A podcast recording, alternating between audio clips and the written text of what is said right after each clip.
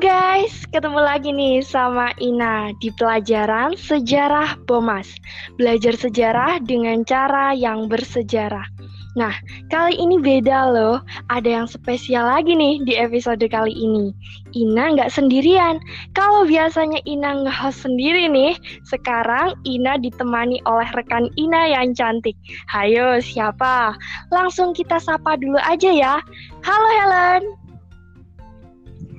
Halo Ina. Wah, kali ini aku bakal nemenin Ina nih, biar tambah seru dan ramai pastinya. Mungkin teman-teman pada belum kenal nih kayaknya sama aku. Salam kenal ya semuanya. Aku dari kelas 11 IPA 4. Nah, Ina, ngomong-ngomong nih ya, pastinya kita kan akan membahas tema yang seru. Apa tuh nah kira-kira? Betul banget, Len. Di episode kali ini kita akan membahas tentang kapal asing pengangkut rempah. Dan kali ini kita kedatangan dua narasumber loh, dua teman kita yang cantik dari kelas 11 MIPA 4, yaitu Anggi Aurel Dewanti dan Iklima Aisma Fitri. Nah, mereka bergabung dengan kita karena nantinya Anggi dan Aisma akan menjelaskan siapa saja sih kapal asing pengangkut rempah rempah sebagai memenuhi tugas sejarahnya. Wow, pastinya teman-teman pengen tahu kan gimana ceritanya. Tapi sebelumnya nih, Nah, aku mau ngasih ya? tahu dulu nih susunan pembahasan yang akan kita perbincangkan, yaitu nanti akan ada beberapa tanya jawab yang akan dijelaskan oleh Anggi dan juga Aisma secara bergantian dan nantinya juga ada beberapa pendapat loh mereka yang berbeda begitu nah. Oke oke, kita sapa dulu aja nih kedua teman kita yang cantik dari 11 MIPA 4. Yang pertama, halo Anggi.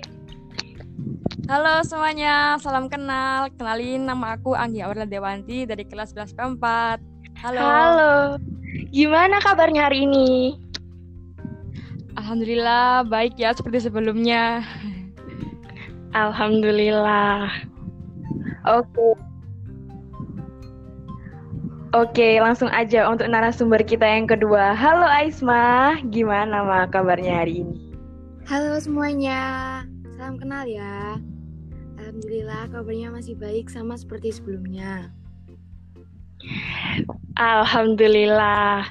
Baik teman-teman, di episode sebelumnya kita juga pernah membahas mengenai VOC, penjajahan Belanda di Indonesia, dan masih banyak lagi materi mengenai orang asing yang ingin menguasai wilayah Indonesia. Kali ini kita akan mengupas secara tuntas siapa saja yang ingin menguasai wilayah Indonesia. Bukan hanya Belanda saja, tapi ada negara lain yang ingin mendapatkan rempah-rempah di Indonesia atau mereka punya tujuan lain? Iya, bener banget, nah. Bukan hanya Belanda saja loh, nah. Tetapi masih banyak lagi. Baik, kalau begitu, aku mau nanya ke Anggi dulu nih. Bagaimana sih, Anggi, awal mula datangnya bangsa Eropa ke Indonesia?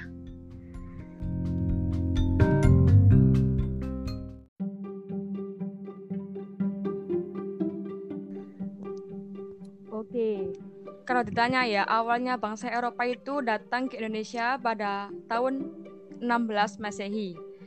Dan tujuan mereka tuh sebenarnya tuh awalnya hanya ingin uh, mencari rempah-rempah ke Indonesia. Tetapi seiring berjalannya waktu mereka itu melakukan monopoli perdagangan di Indonesia.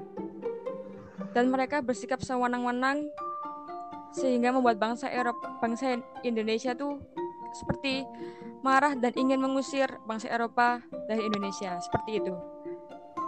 Oke, lanjut nih Aisma. Kalau kamu bagaimana awal mula datangnya bangsa Eropa ke Indonesia, Ma?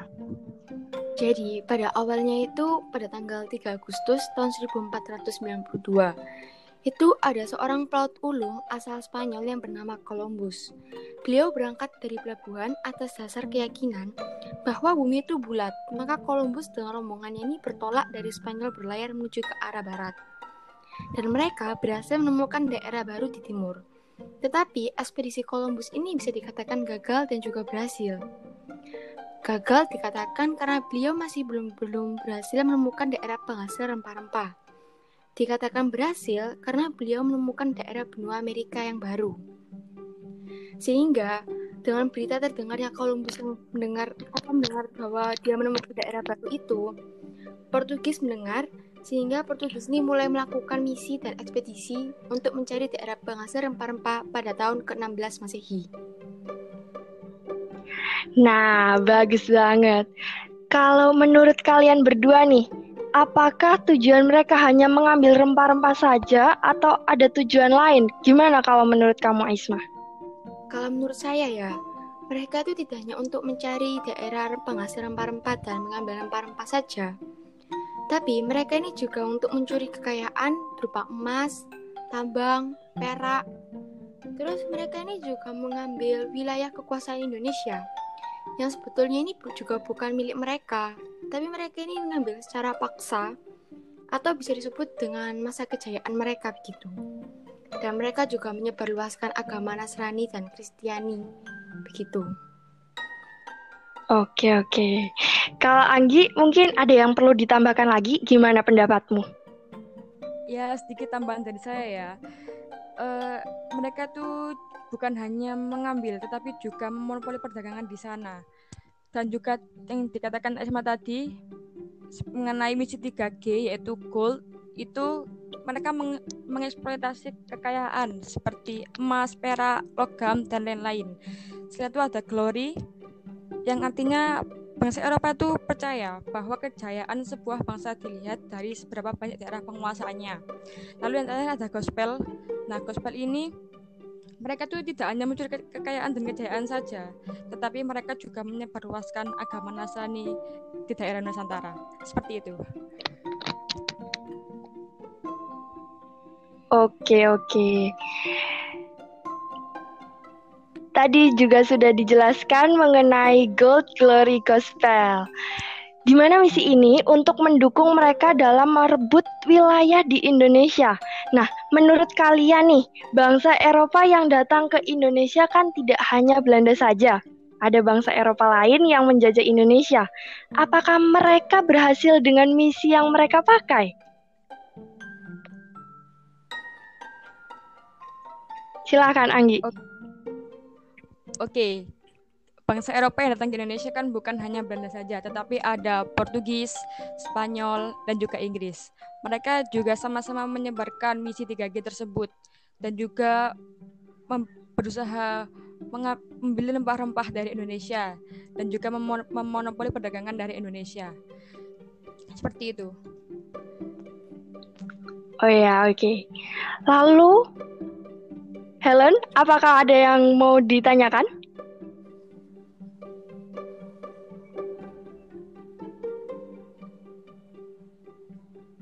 Baik, mungkin koneksi ya. Lalu, apakah semua bangsa memiliki misi yang sama? Aisma mungkin bisa menjelaskan. Sebenarnya semua bangsa Eropa ini memiliki misi yang sama, yaitu misi 3G tadi yang sudah kita jelaskan. Tetapi rata-rata semua mereka tuh melakukan misinya tuh kebanyakan berhasil. Gitu.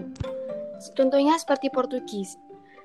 Portugis ini berhasil menguasai Malaka pada tanggal 10 Agustus tahun 1511 yang dipimpin oleh Alfonso de Albuquerque. Beliau ini berhasil menguasai Malaka sebagai pusat perdagangan rempah-rempah pada masa itu. Dan pada saat itu juga, Portugis kan semakin berkembang dan semakin kekuasaannya semakin tinggi ya.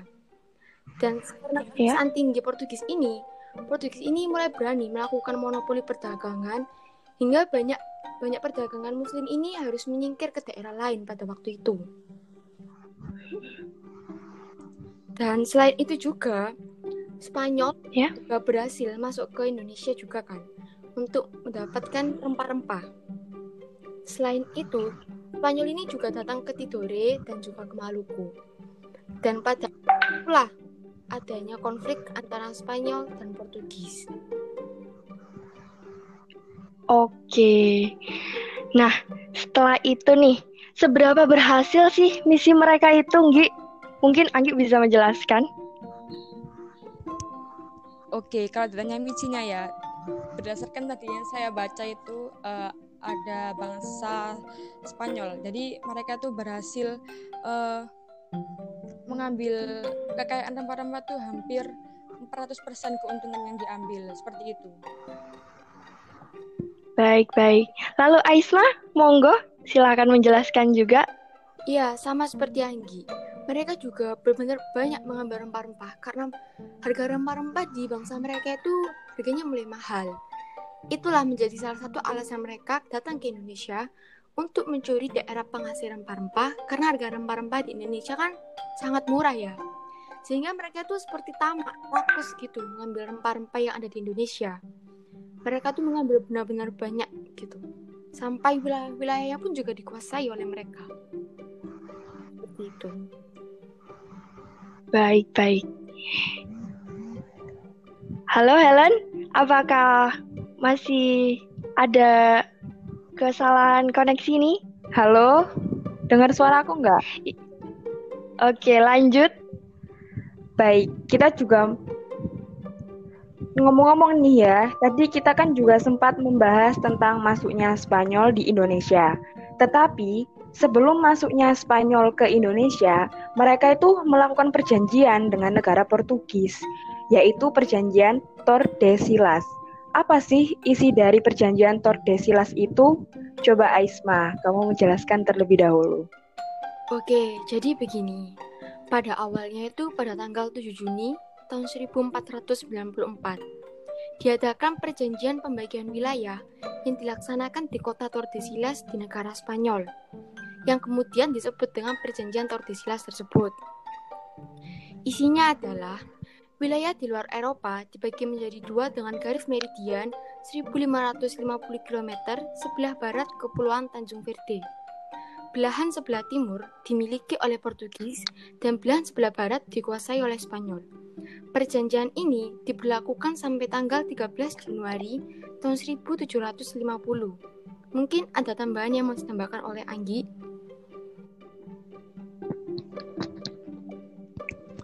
Oke, jadi saya sedikit menambahkan saja ya. Eh, sebenarnya tujuannya sama, yang seperti yang dikatakan Isma tadi. Jadi tujuannya itu untuk membelah bumi menjadi dua bagian yang diperuntukkan untuk Spanyol dan Portugis. Jadi Spanyol itu mendapatkan bagian barat dari garis, sedangkan Portugis mendapatkan bagian timur dari garis. Seperti itu. Baik. Lalu nih, apakah kedua negara itu menjalani perjanjian mereka dengan baik? Atau tanpa adanya konflik? Gimana Gi, kalau menurut kamu? Ya, sebenarnya ini dijalankan dengan baik, tetapi uh, seiring berjalannya waktu uh, menciptakan masalah baru saat penjelajah dari kedua negara tersebut itu bertemu di sebuah daerah yang kini dikenal sebagai Banda. Nah, konflik ini nantinya akan melahirkan perjanjian baru, yaitu perjanjian Saragossa. Jadi konfliknya ini akan banyak Saragossa, seperti itu. Baik, baik. Nah, kalau Aisma, bagaimana pendapat kamu? Pendapat saya, silakan. Seperti yang saya baca dari buku dan dari Google Google referensi saya ya. Itu yep. pada tahun 1521, Spanyol kan memulai ekspedisi dan mereka tiba di wilayah Tidore. Kedatangan orang-orang Spanyol ke Tidore itu awal mulanya konflik dengan Portugis di Maluku. Lah, kedatangan Spanyol dan Portugis di Maluku ini, keduanya ini saling menuduh kalau sudah terjadi pelanggaran perjanjian Tordesillas tadi. Bahwa ya. Spanyol dan Portugis sebelumnya telah membuat perjanjian yang disebut perjanjian Tordesillas tadi kan. Lalu, untuk menyelesaikan masalah tujuan timbal balik atas perjanjian Tordesillas tersebut, dibuat perjanjian yang baru, lalu disebut dengan perjanjian Saragossa. Dari pihak Spanyol ini diwakili oleh Kaisar Charles V, sedangkan dari pihak Portugis diwakili oleh Raja John III. Kedua kepala pemerintahan tersebut yang menandatangani berkas perjanjian Saragossa pada tanggal 22 April tahun 1529 untuk menyelesaikan permasalahannya. Isi dari perjanjian Saragossa ada dua. Yang pertama, bumi dibagi atas dua pengaruh, yaitu pengaruh bangsa Spanyol dan pengaruh bangsa Portugis. Yang kedua, wilayah kekuasaan Spanyol membentang dari Meksiko ke arah barat sampai ke Kepulauan Filipina. Dan wilayah kekuasaan Portugis membentang dari Brasilia ke arah timur sampai ke Pulau Maluku. Daerah di sebelah utara garis Saragosa adalah penguasaan Portugis. Daerah di sebelah selatan garis Saragosa adalah penguasaan Spanyol. Seperti itu. Baik, jelas-jelas. Nah, kita juga dari tadi sudah terhubung dengan guru sejarah kita, yaitu Bapak Ali Murtado. Halo, Pak Al.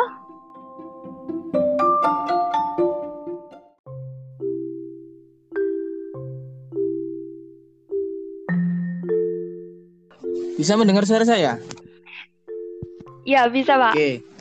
Eh, tadi sudah sudah saya dengar kok. Eh, Oh, oke, oke. Ini memang ada Silakan, ya ada kendala teknis sedikit tadi. Tambahannya ini. Iya. Dari tadi kan eh, dari temanya yaitu kapal pengangkut rempah ya, kapal asing ya. Iya. Nah, sebenarnya tidak hanya kolonial yang dalam arti yang tidak hanya negara-negara yang menjajah Indonesia saja yang termasuk dalam kategori kapal asing pengangkut rempah. Tapi semua kapal dari negara lain yang waktu itu mengangkut rempah itu juga termasuk sebagai kapal asing. Itu yang tidak dibahas dan akan saya bahas sedikit untuk tambahan referensi. Jadi tadi yang dibahas itu tentang kapal asing yang juga kebetulan eh, melakukan kolonisasi atau monopoli di Indonesia. Jadi selain Portugis, Spanyol, eh, kemudian ada VOC, ada EIC, ada Belanda. Nah, ada juga kapal-kapal asing yang lain. Karena negara Indonesia ini memang waktu itu, meskipun bentuknya masih kerajaan-kerajaan, itu memiliki Iya. kekayaan eh, rempah yang sangat luar biasa ya sampai sekarang ini. Nah, kapal-kapal asing zaman dahulu hampir seluruh dunia juga dalam arti melakukan kontak dengan Indonesia atau dengan Nusantara atau dengan kerajaan-kerajaan di Nusantara. Seperti halnya Tiongkok atau Cina yang juga melakukan pertukaran dengan eh, pertukaran paling terkenal antara Nusantara dengan Cina yaitu pertukaran rempah-rempah dengan eh, apa keramik ya? Kalau nggak salah itu keramik sama kain sutra.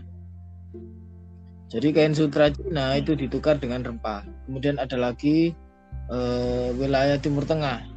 Seperti eh, mana itu? Gujarat ya? Gujarat itu daerah sekarang India Gujarat. Kemudian ada wilayah Timur Tengah seperti eh, mana itu?